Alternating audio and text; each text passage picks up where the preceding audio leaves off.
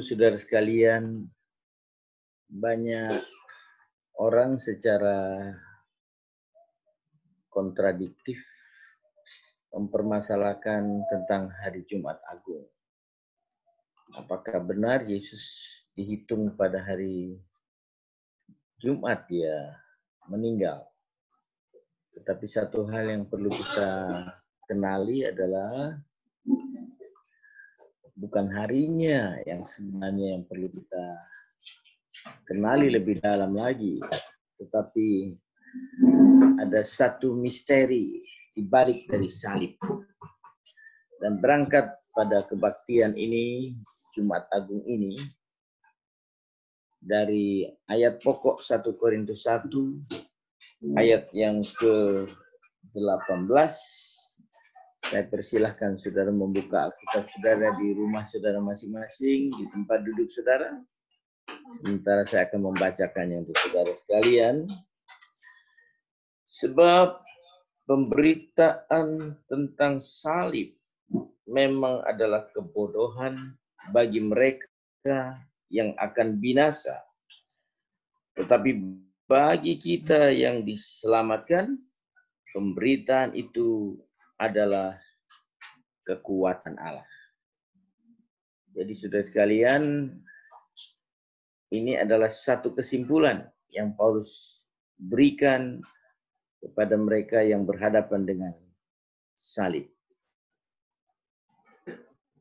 Maaf, sebentar. Apa bisa turun? Oke. Iya. 1 Korintus pasal 1 ayat yang ke-18 sebenarnya ada dua kategori yang belum pernah mendengar sama sekali tentang berita keselamatan, maka tanggapan mereka adalah berita salib itu kebodohan. Dan yang kedua, bagi mereka yang sudah diselamatkan, seperti saudara dan saya, maka Paulus berkata, ini adalah kekuatan Allah. Berita salib itu adalah kekuatan Allah. Jadi ini ada dua sikap ada dua pandangan mengenai salib yang diberitakan. Bagi orang-orang yang akan binasa, ini merupakan kebodohan. Tetapi bagi mereka yang sudah diselamatkan, mereka sudah mengalami, mereka sudah ada di dalam pengalaman ini, yaitu ini merupakan kekuatan Allah. Dan kalau kita melihat tentang hal ini lalu dibandingkan dengan ayat 23, maka dikatakan, tetapi kami memberitakan Kristus yang disalibkan untuk orang-orang Yahudi suatu batu sandungan dan untuk orang-orang bukan Yahudi suatu kebodohan.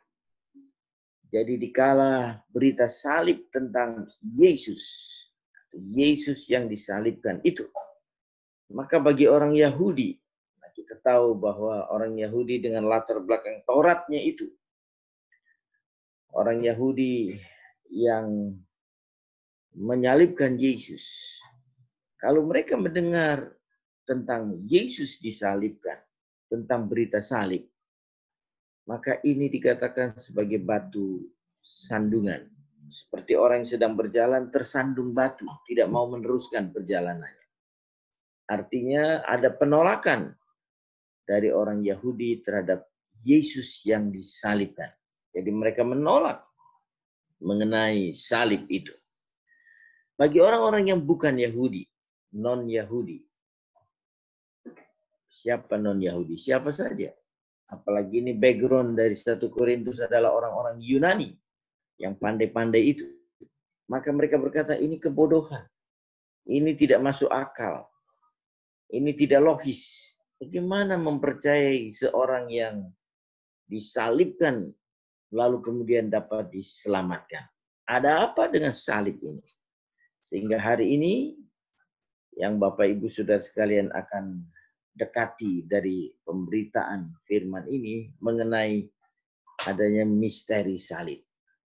Adanya rahasia salib. Ada sesuatu yang rahasia di balik salib itu.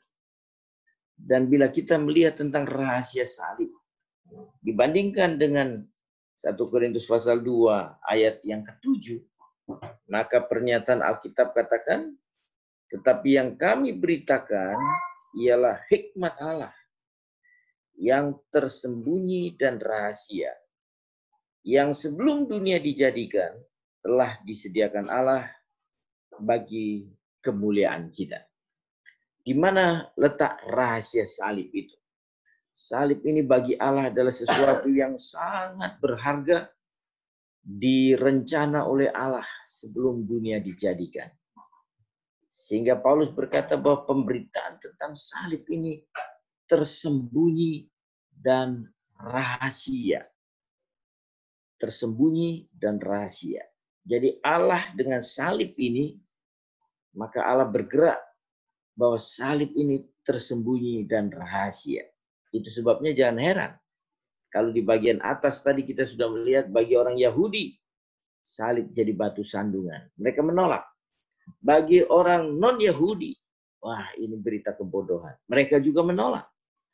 Sehingga datang pada ayat yang ke-8 dari pasal 2 ini katakan, tidak ada dari penguasa dunia ini yang mengenalnya.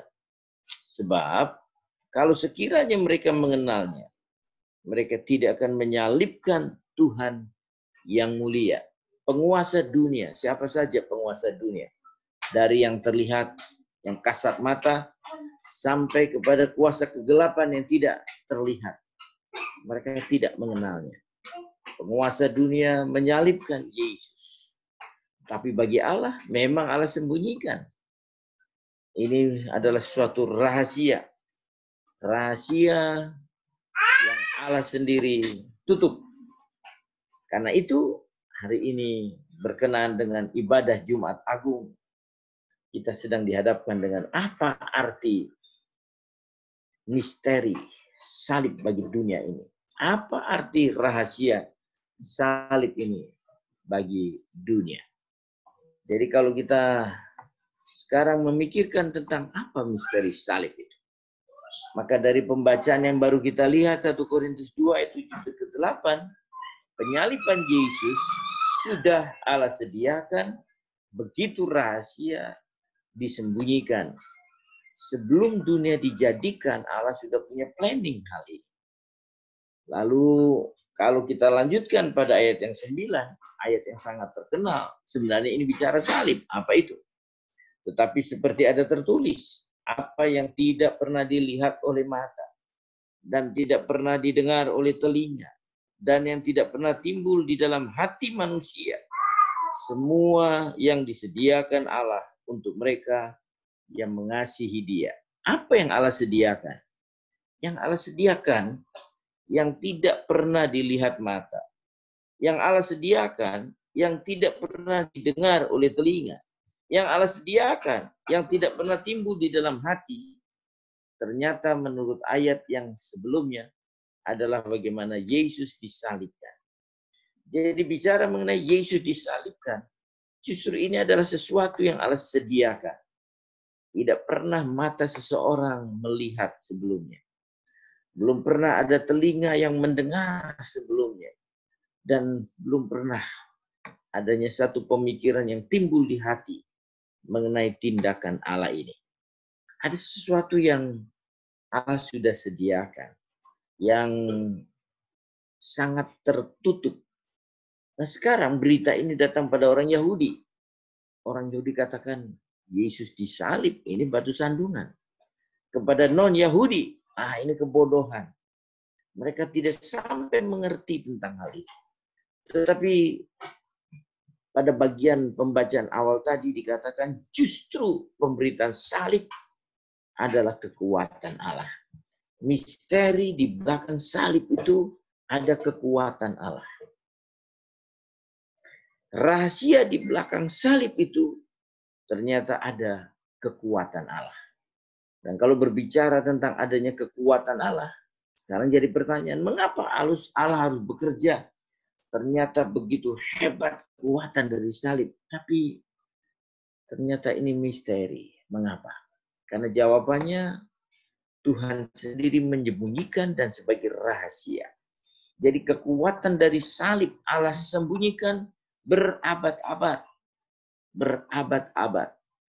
Yang kedua, ada banyak orang mencari keselamatan dengan dasar tanda atau mujizat. Apalagi hari-hari ini. Ada banyak orang mulai mempertentangkan tentang kuasa Tuhan. Kalau Tuhan ada, harusnya terjadi kesembuhan di seluruh dunia. Ada orang bertanya-tanya, bukan hanya di sini. Sejak masa perjanjian lama memasuki perjanjian baru, orang Yahudi mencari mujizat. Kalau mereka melihat ada mujizat, mereka percaya. Orang Yunani mencari sesuatu yang disebut dengan hikmat, kepandaian. Untuk apa? Karena mereka ingin diyakinkan secara logika, mereka ingin mengerti kalau itu masuk akal, ya mereka terima. Karena itu segala pemikiran-pemikiran, buah pikiran dasar muncul di Yunani sana. Hikmat. Tapi Allah tidak bergerak di sana. Mujizat-mujizat yang diharapkan terjadi, Allah juga tidak bergerak di sana. Yang Allah lakukan, Allah sedang bekerja dengan salib. Salib itu Allah sembunyikan bagi orang-orang yang menolaknya bagi orang-orang yang belum diselamatkan. Dan kalau berbicara tentang salib, apalagi dihubungkan dengan kitab Taurat, maka yang kita temukan dalam kitab Galatia pasal 3, ayat yang ke-13 bagian akhir itu disebutkan bahwa sebab ada tertulis, terkutuklah orang yang digantung pada kayu salib. Jadi dari perjanjian lama dari hukum Taurat, bila ada orang berdosa maka orang itu harus dihukumkan. Hukuman yang paling berat itu orang disalibkan. Jadi penyaliban ini bukan hukuman yang tiba-tiba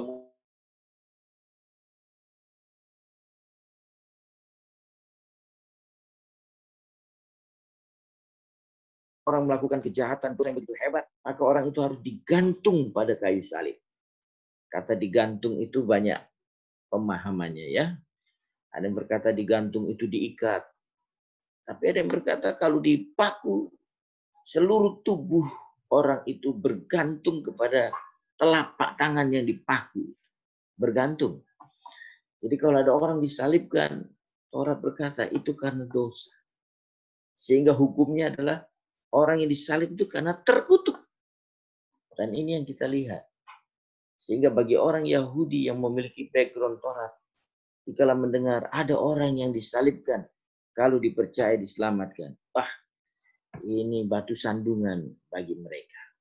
Jadi salib bagi sekelompok orang, mereka berkata ini adalah kutuk dari Allah. Karena dosa, maka datang kutuk. Bagaimana mungkin orang disalibkan dapat kemudian diberikan satu penghargaan dipercaya. Dan ini yang sudah dan saya lihat. Ada rahasia di belakang salib. Ada pekerjaan dari Allah di belakang salib. Ada satu misteri yang Allah sembunyikan berabad-abad. Yang kemudian dimunculkannya lah salib itu. Dan bagi banyak orang, ah ini kebodohan. Bagi banyak orang penolakan terjadi. Tapi mari kita lihat Yesaya katakan seperti apa. Yesaya pasal 53 kalau coba kita lihat pada ayat yang keempat, maka kitab Nabi Yesaya yang kita kenal sebagai bayangan dari Injil Perjanjian Lama secara detail menceritakan tentang bagaimana salib itu akan terjadi. Di ayat yang keempat dari Yesaya 53. Tetapi sesungguhnya penyakit kitalah yang ditanggungnya dan kesengsaraan kita yang dipikulnya. Padahal kita mengira dia kena tulah, dipukul, dan ditindas Allah. Jadi Yesaya 53 menuliskan apa yang terjadi pada Yesus dalam penyalipannya itu dia sedang menanggung. Apa yang ditanggung? Penyakit kita. Dia sedang memikul. Apa yang dipikul? Kesengsaraan kita. Ini yang sesungguhnya terjadi yang kasat mata orang-orang yang akan binasa itu tidak mampu menembus, melihat sampai sejauh ini. Tapi karena ini adalah firman nubuat dalam perjanjian lama, terjadi pada Yesus. Sekarang kita mulai dibuka mata melihat, oh ternyata Yesus disalibkan. Di balik dari salib banyak orang tidak dapat melihatnya. Tapi yang sesungguhnya dia sedang menanggung. Apa yang ditanggung? Penyakit kita. Dia sedang memikul. Apa yang dipikul? Sengsara kita. Jadi sebenarnya pernyataan dari ayat ini berkenaan dengan apa yang Yesus lakukan justru untuk kita. Tapi kita di sini adalah kita yang mewakili perjanjian lama. Jadi kalau demikian apa sebenarnya pemahaman tentang kita ini? Pemahamannya adalah mereka mengira dan perkiraan mereka salah. Apa itu? Mereka pikir orang ini yang dinubuatkan ini terkena tulah dari Allah.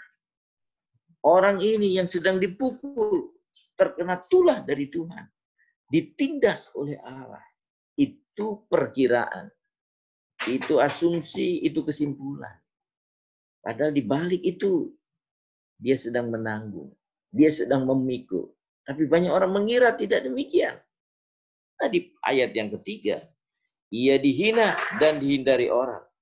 Seorang yang penuh kesengsaraan dan yang biasa menderita kesakitan.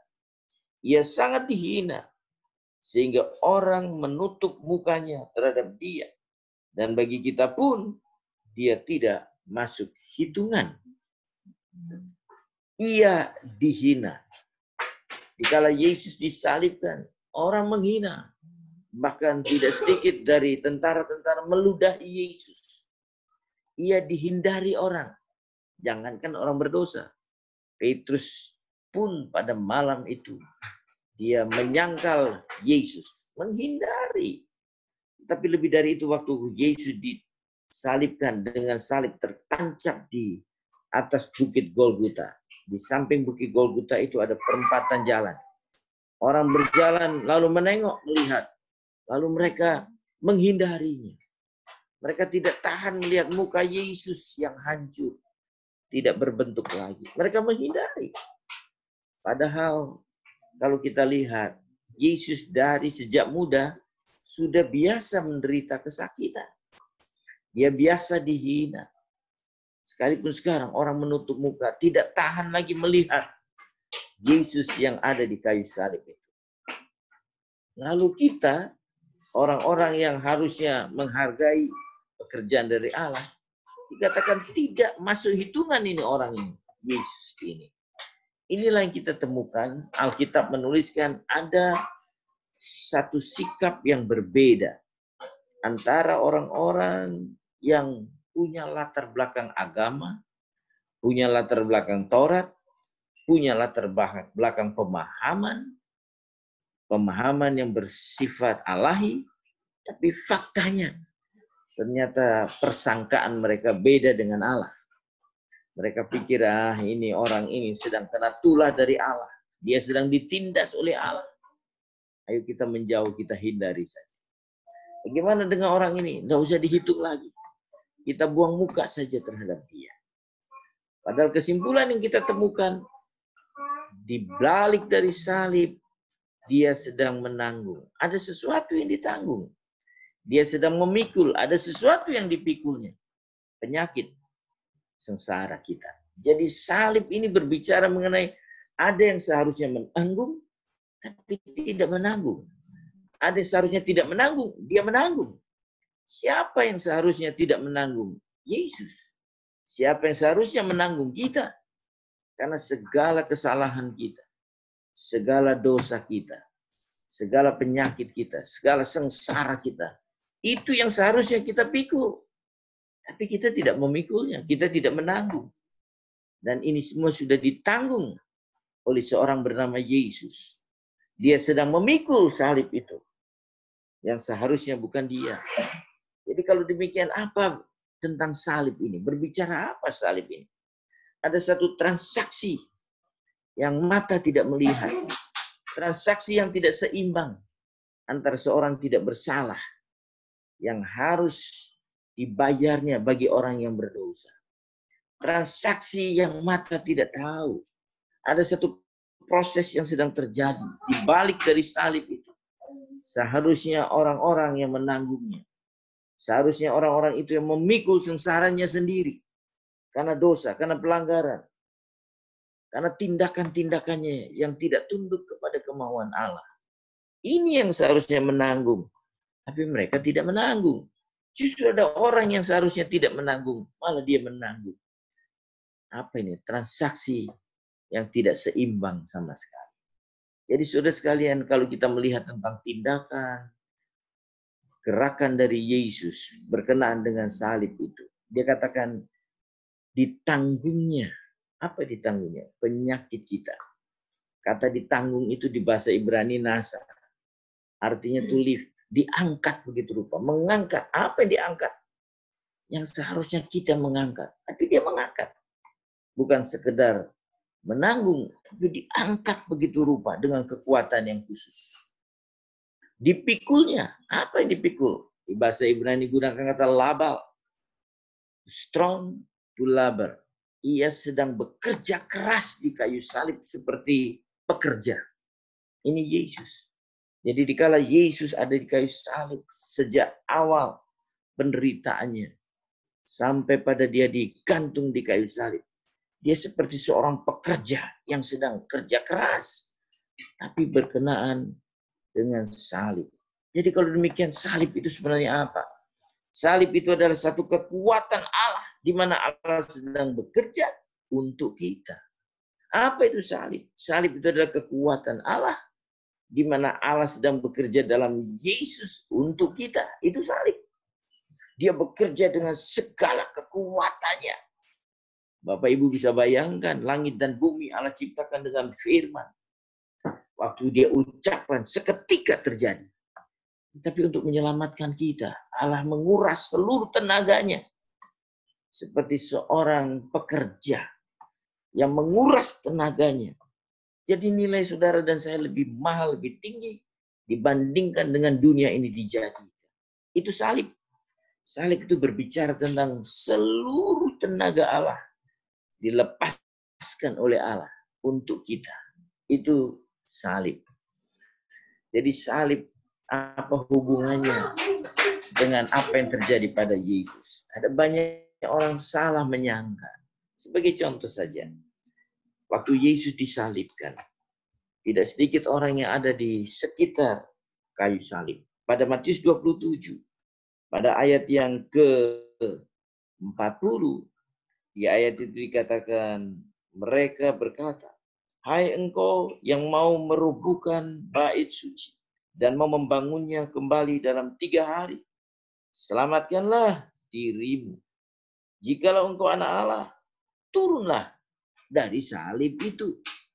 Orang-orang mengejek, turun dari salib. Kalau engkau bisa turun dari salib, wah mujizat terjadi. Nanti kami mau percaya. Mereka tidak melihat bahwa di balik ucapan mereka sedang ada transaksi Allah dengan kita di mana kita ini akan diselamatkan. Tapi mereka berkata turun dari salib. Mereka menanti-nanti mujizat. Allah tidak bekerja melalui itu. Di salib itu tidak Allah lakukan dengan mujizat. Tetapi Allah limpahkan kepada Yesus. Supaya Yesus bekerja keras dalam melakukan penyelamatan. Bahkan pada ayat 42 disebutkan orang lain ia selamatkan. Tapi dirinya sendiri tidak dapat ia selamatkan. Ia Raja Israel, baiklah ia turun dari salib itu. Dan kami akan percaya kepada. Coba saja kalau orang yang disalib bernama Yesus itu turun dari kayu salib saat diselamatkan. Wah kami mau percaya. Allah tidak lakukan hal itu. Bukan begitu cara Allah. Allah tidak melakukan mujizat supaya orang percaya. Itu bukan disalib. Orang yang melihat mujizat disalib. Allah tidak lakukan itu. Yesus turun dari salib baru mereka percaya. Tidak caranya seperti itu. Ada sesuatu yang Allah lakukan di luar dari logika orang-orang yang percaya itu. Orang Yahudi itu orang-orang percaya. Tapi bukan itu cara kerja Allah. Jadi saudara sekalian, bila Yesus ada di atas kayu salib, dia turun maka kita yang harus ke kayu salib. Ini sedang terjadi transaksi silang antara Yesus dengan kita. Kalau saja Yesus turun dari kayu salib karena mengikuti ucapan orang-orang menghina dia, maka tidak ada menanggung kutuk kita. Syukur Yesus bertahan di kayu salib. Kalau dia sampai turun dari kayu salib, kita yang harus ke kayu salib.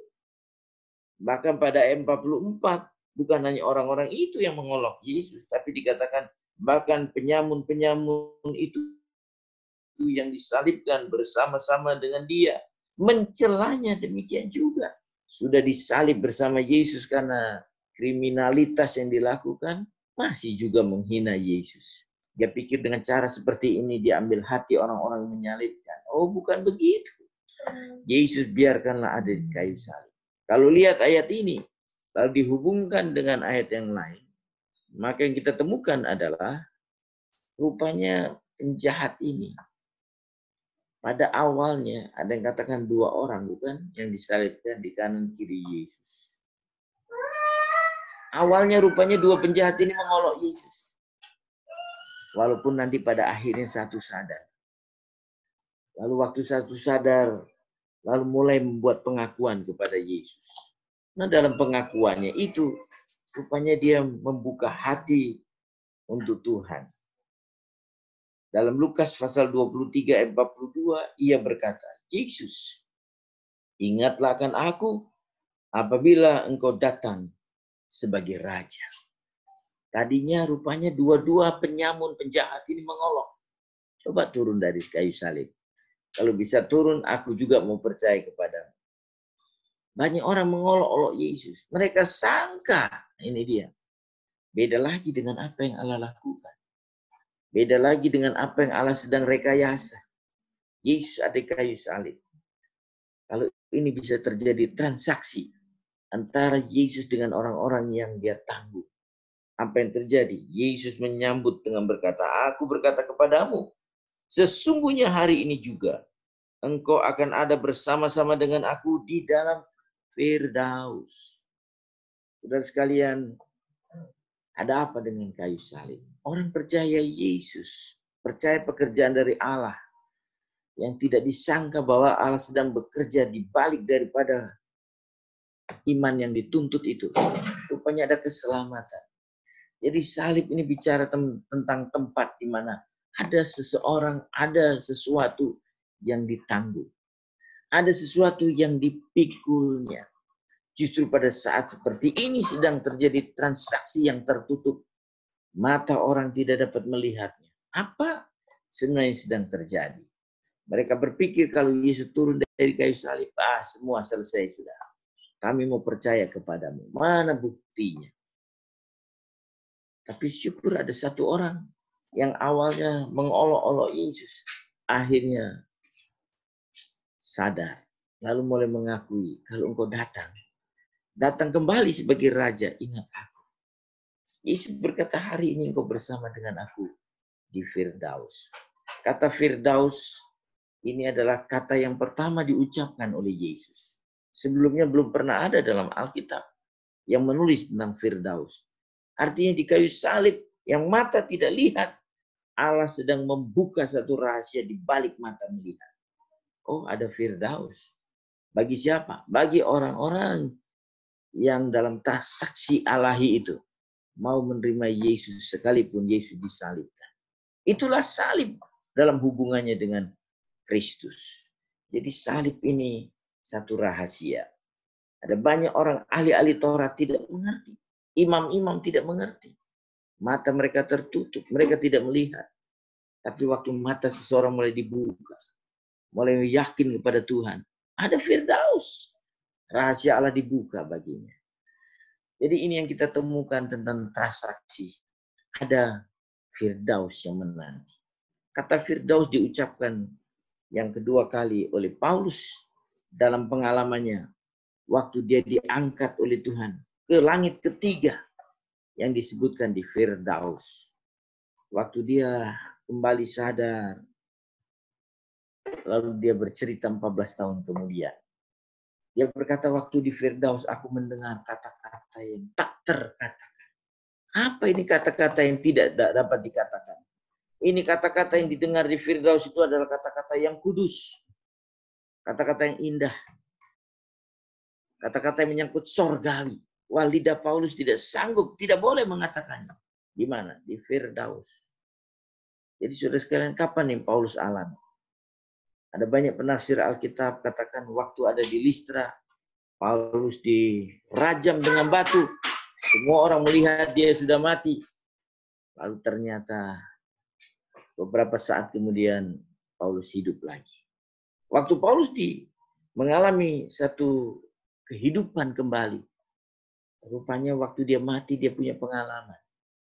Pengalamannya dibuka. Kalau orang mati dalam Tuhan itu ke Firdaus. Sama dengan ucapan Yesus tadi. Dia mendengar kata-kata yang kudus. Di Firdaus itu kata-kata kudus yang diucapkan. Kata-kata indah, kata-kata sorgawi. Kalau kita lihat seperti ini, maka Yesus juga pernah memberikan satu satu pembukaan rahasia dalam satu ilustrasi. Orang kaya dengan Lazarus, di mana Lazarus mati, tapi syukur rupanya dia mati dalam Tuhan. Ada apa dengan hal ini? Ada sangkut paut dengan salib tadi. Kalau Paulus mati, dia dibawa ke Firdaus, langit yang ketiga dari sorga. Ini ada ilustrasi dari Yesus. Lazarus mati. Waktu dia buka mata, dia ada di pangkuan Abraham. Dia melihat ke bawah, dia lihat orang kaya yang tidak cari Tuhan sedang menderita. Orang kaya melihat ke atas lalu berkata pada Abraham yang sedang memangku Lazarus. Eh Abraham, suruhlah Lazarus mengirimkan, meneteskan air dengan jarinya. Di sini aku menderita sekali. Dia melihat orang kaya yang sengsara. Tapi kita tidak ceritakan bahwa orang kaya itu ada di Firdaus. Tapi dari hal-hal pernyataan Yesus, pernyataan Paulus, kita tahu dia di Firdaus. Di Firdaus orang, kata Abraham kepada orang kaya tadi, kamu selama hidupmu, kamu beruntung, kamu banyak hal yang kamu dapat. Tapi Lazarus tidak. Sekarang dia mendapat hiburan. Kata hiburan itu bahasa Yunani parakaleo. Parakaleo itu to call near, dipanggil supaya dekat. Waktu seseorang dihadapkan kepada Allah karena salib, salib itu mendekatkan orang kepada berkat-berkat Abraham. Karena Lazarus ada dalam di atas pangkuan Abraham. Lalu dia dihibur, dipanggil supaya sangat dekat. Dekat dengan apa? Dekat dengan berkat-berkat Abraham. Jadi sudah sekalian kita melihat mata orang tidak melihat percakapan apa Yesus dengan penjahat yang ada di sebelah Yesus. Hanya Yesus dengan penjahat yang tahu, hari ini kau bersama dengan aku di Firdaus. Orang-orang yang ada di sekeliling salib tidak tahu tentang hal itu. Ada satu transaksi yang tertutup di balik dari salib itu. Ternyata yang kedua yang kita temukan di sini, bagaimana orang didekatkan dengan berkat Abraham. Sudah tahu bahwa berkat Abraham itu apa? Berkat Abraham itu adalah keselamatan. Keselamatan yang dimeterai oleh Roh Kudus, itu berkat Abraham. Jadi kalau saudara dan sekarang terima Yesus, kita diselamatkan, apalagi sampai dimetraikan oleh Roh Kudus. Itu fakta. Itu satu pengalaman orang menerima berkat Abraham secara real dalam hidupnya. Apa ini? Ini salib. Ini karya salib. Jadi orang-orang yang diselamatkan penuh dengan Roh Kudus itu hanya bisa terjadi karena salib. Tidak ada orang dipenuhkan Roh Kudus di luar salib. Ya. Mengapa? Karena dikala orang menerima Yesus yang disalibkan, orang percaya orang diselamatkan. Nah kalau orang sudah diselamatkan, keselamatan itu harus diikat, dimeterai, diamankan dengan meterai roh kudus. Ada apa? Kita dengan salib didekatkan dengan Abraham. Ada berkat di sana. Jadi saudara dan saya bersyukur kalau saudara dan saya diselamatkan, dipenuhkan dengan roh kudus. Saya mendorong saudara yang belum penuh roh kudus, buka hati, hidup dalam pertolongan pertobatan yang Roh Kudus bisa tinggalkan orang yang meninggalkan pertobatan. Karena itu bagi saudara yang belum dipenuhkan dengan Roh Kudus, mari hidup yang benar dengan Tuhan. jaga pekerjaan Roh Kudus supaya Roh Kudus itu betah tinggal di hati kita. Nah, ini pengalaman apa? Ini pengalaman salib. Karena ada salib, maka kita temukan sekarang. Oh, di balik salib itu ada berkat Abraham ya. Kata Firdaus yang ketiga kali atau terakhir diucapkan oleh Yesus sendiri. Bagaimana gereja ke depan. Ya. Yesus yang berkata dalam Wahyu pasal yang kedua, ayat yang ketujuh itu, maka di sana kita membaca tentang kata Firdaus diucapkan. Siapa bertelinga hendaklah ia mendengarkan apa yang dikatakan roh kepada jemaat-jemaat. Barang siapa menang, dia akan kuberi makan dari pohon kehidupan yang ada di Taman Firdaus Allah.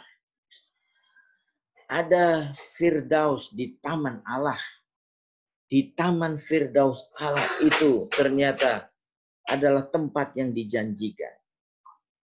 Janjikan untuk siapa? Pertama dikatakan bagi orang yang mendengarkan apa yang dikatakan roh kepada jemaat. Jadilah jemaat yang membuka telinga untuk roh kudus. Jadilah jemaat Tuhan yang terbuka hati dan telinga pada roh kudus. Jangan jadi jemaat yang menutup telinga pada roh kudus. Dan yang kedua, kalau menang, maka akan diberi makan dari pohon kehidupan di taman Firdaus Tuhan. Siapa bilang hidup ini tidak ada peperangan? Hidup ini penuh dengan peperangan. Tiap hari kita dihadapkan dengan pilihan. Mau pilih Tuhan atau pilih dunia, pilih dosa. Kita ini dihadapkan dengan peperangan tiap hari. Tapi Alkitab memberikan janji. Kalau engkau menang, engkau akan makan dari pohon kehidupan di Taman Firdaus Allah. Ini sebenarnya apa yang sedang Allah tunjukkan? Ini Allah merindukan punya karakter jemaat seperti ini. Seperti apa karakter jemaat di akhir zaman? Seperti apa jemaat untuk masa-masa ke depan? Jemaat yang mendengar suara Roh Kudus. Sudah sekalian penting mendengar suara Roh Kudus ya. Kalau ada mungkin telinga-telinga sudah mulai tumpul mendengar Roh Kudus. Coba minta Tuhan bersihkan telinga dari dosa-dosa supaya Tuhan temukan ada jemaat yang punya karakter mendengar suara Roh Kudus. Yang kedua menjadi jemaat yang hidup dalam kemenangan. Di tengah peperangan, peperangan, peperangan. Kita hadapi hari demi hari menang untuk Tuhan. Menang bersama untuk Tuhan. Nah hidup yang seperti ini, mendengar perkataan Roh Kudus, menang dalam pergumulan hidup. Ini yang disebut dengan kemenangan oleh kayu salib. Dari mana kita tahu? ada hubungannya dengan Firdaus. Jadi sudah sekalian, rupanya dari apa yang kita lihat, Allah senang memiliki karakter jemaat yang mendengar suara roh kudus. Itu yang Allah inginkan. Sekarang mulai banyak timbul orang-orang mulai berbicara tentang saya mendengar suara Tuhan. Ada lagi yang katakan, oh syukur saudara, saya menjadi orang yang peka dengan suara Tuhan.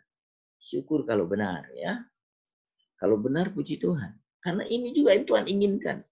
Jemaat yang punya karakter mendengar apa yang dikatakan roh Allah.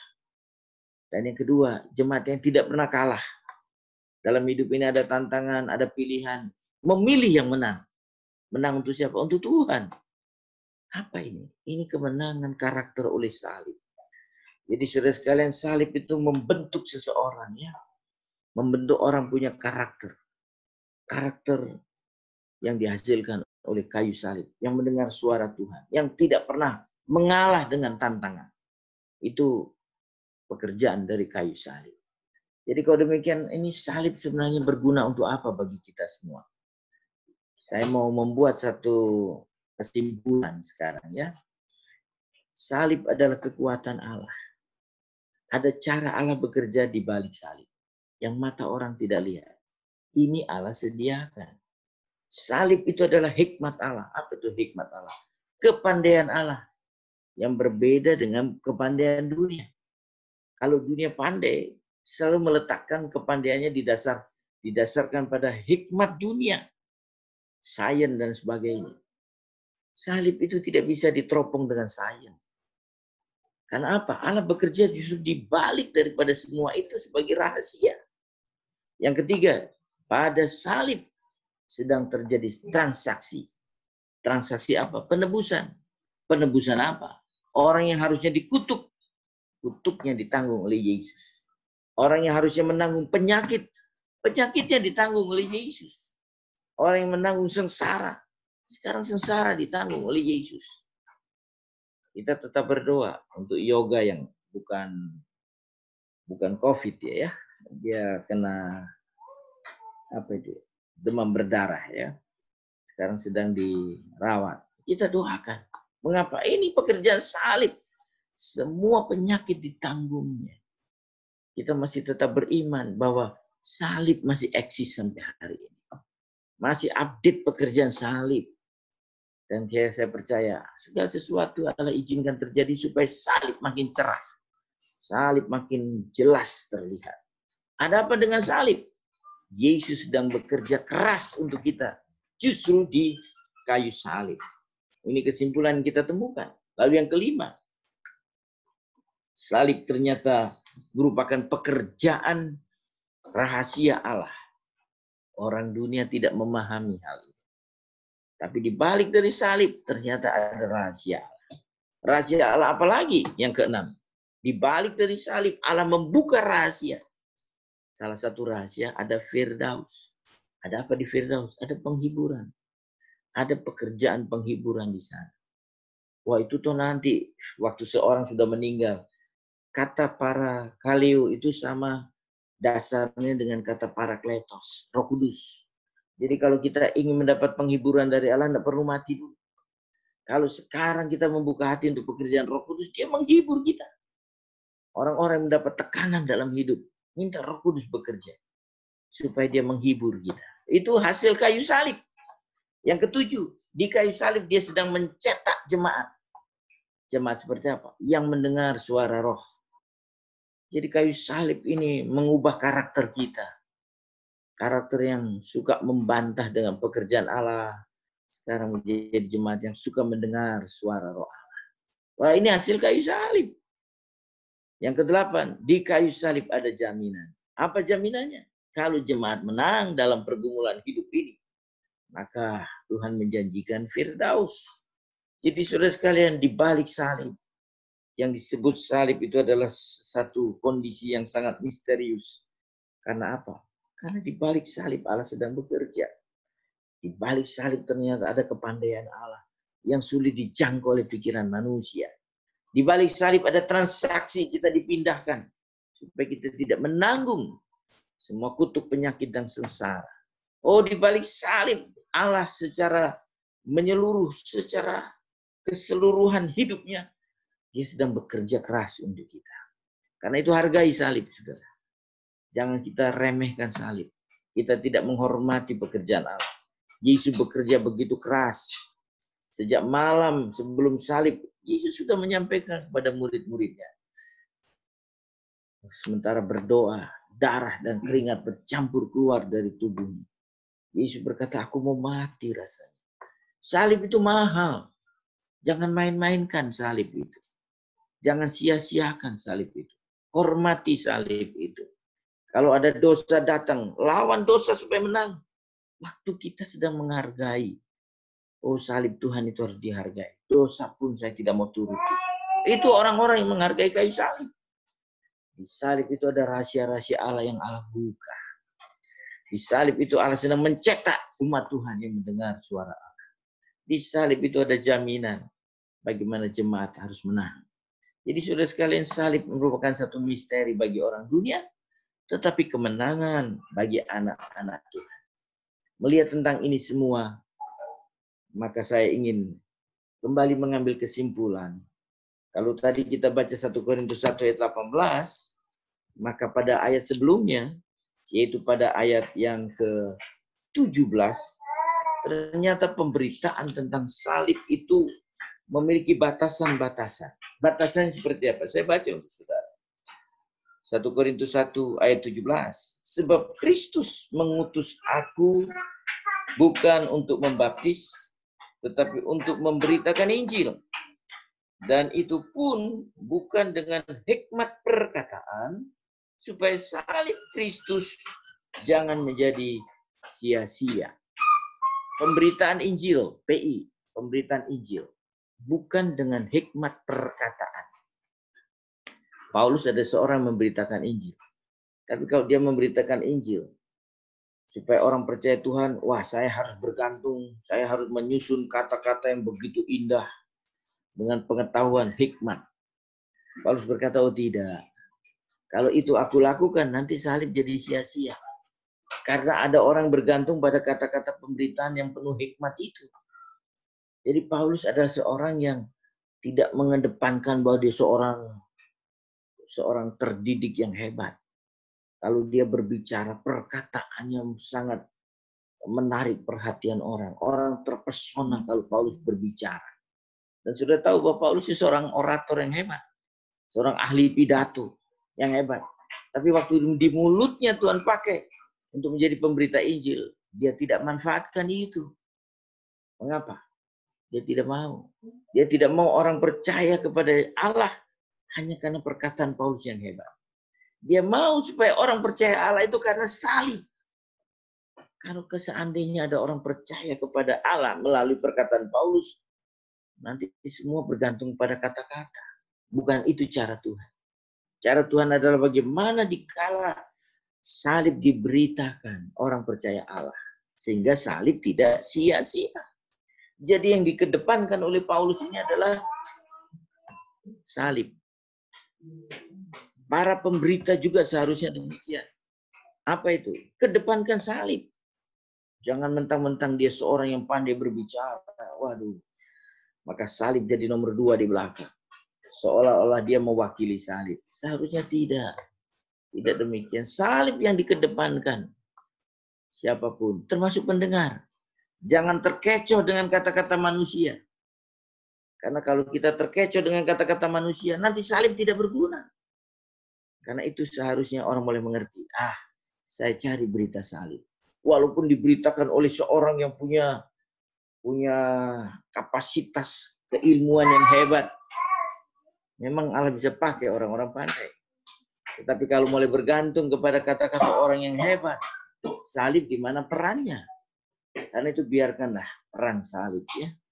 1 Korintus pasal 1 pada ayat yang ke-26. Ini mengubah hidup seseorang salib. Seperti apa? Ingat saja saudara-saudara, bagaimana keadaan kamu ketika kamu dipanggil.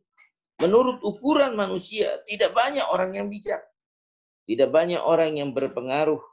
Tidak banyak orang yang terpandang.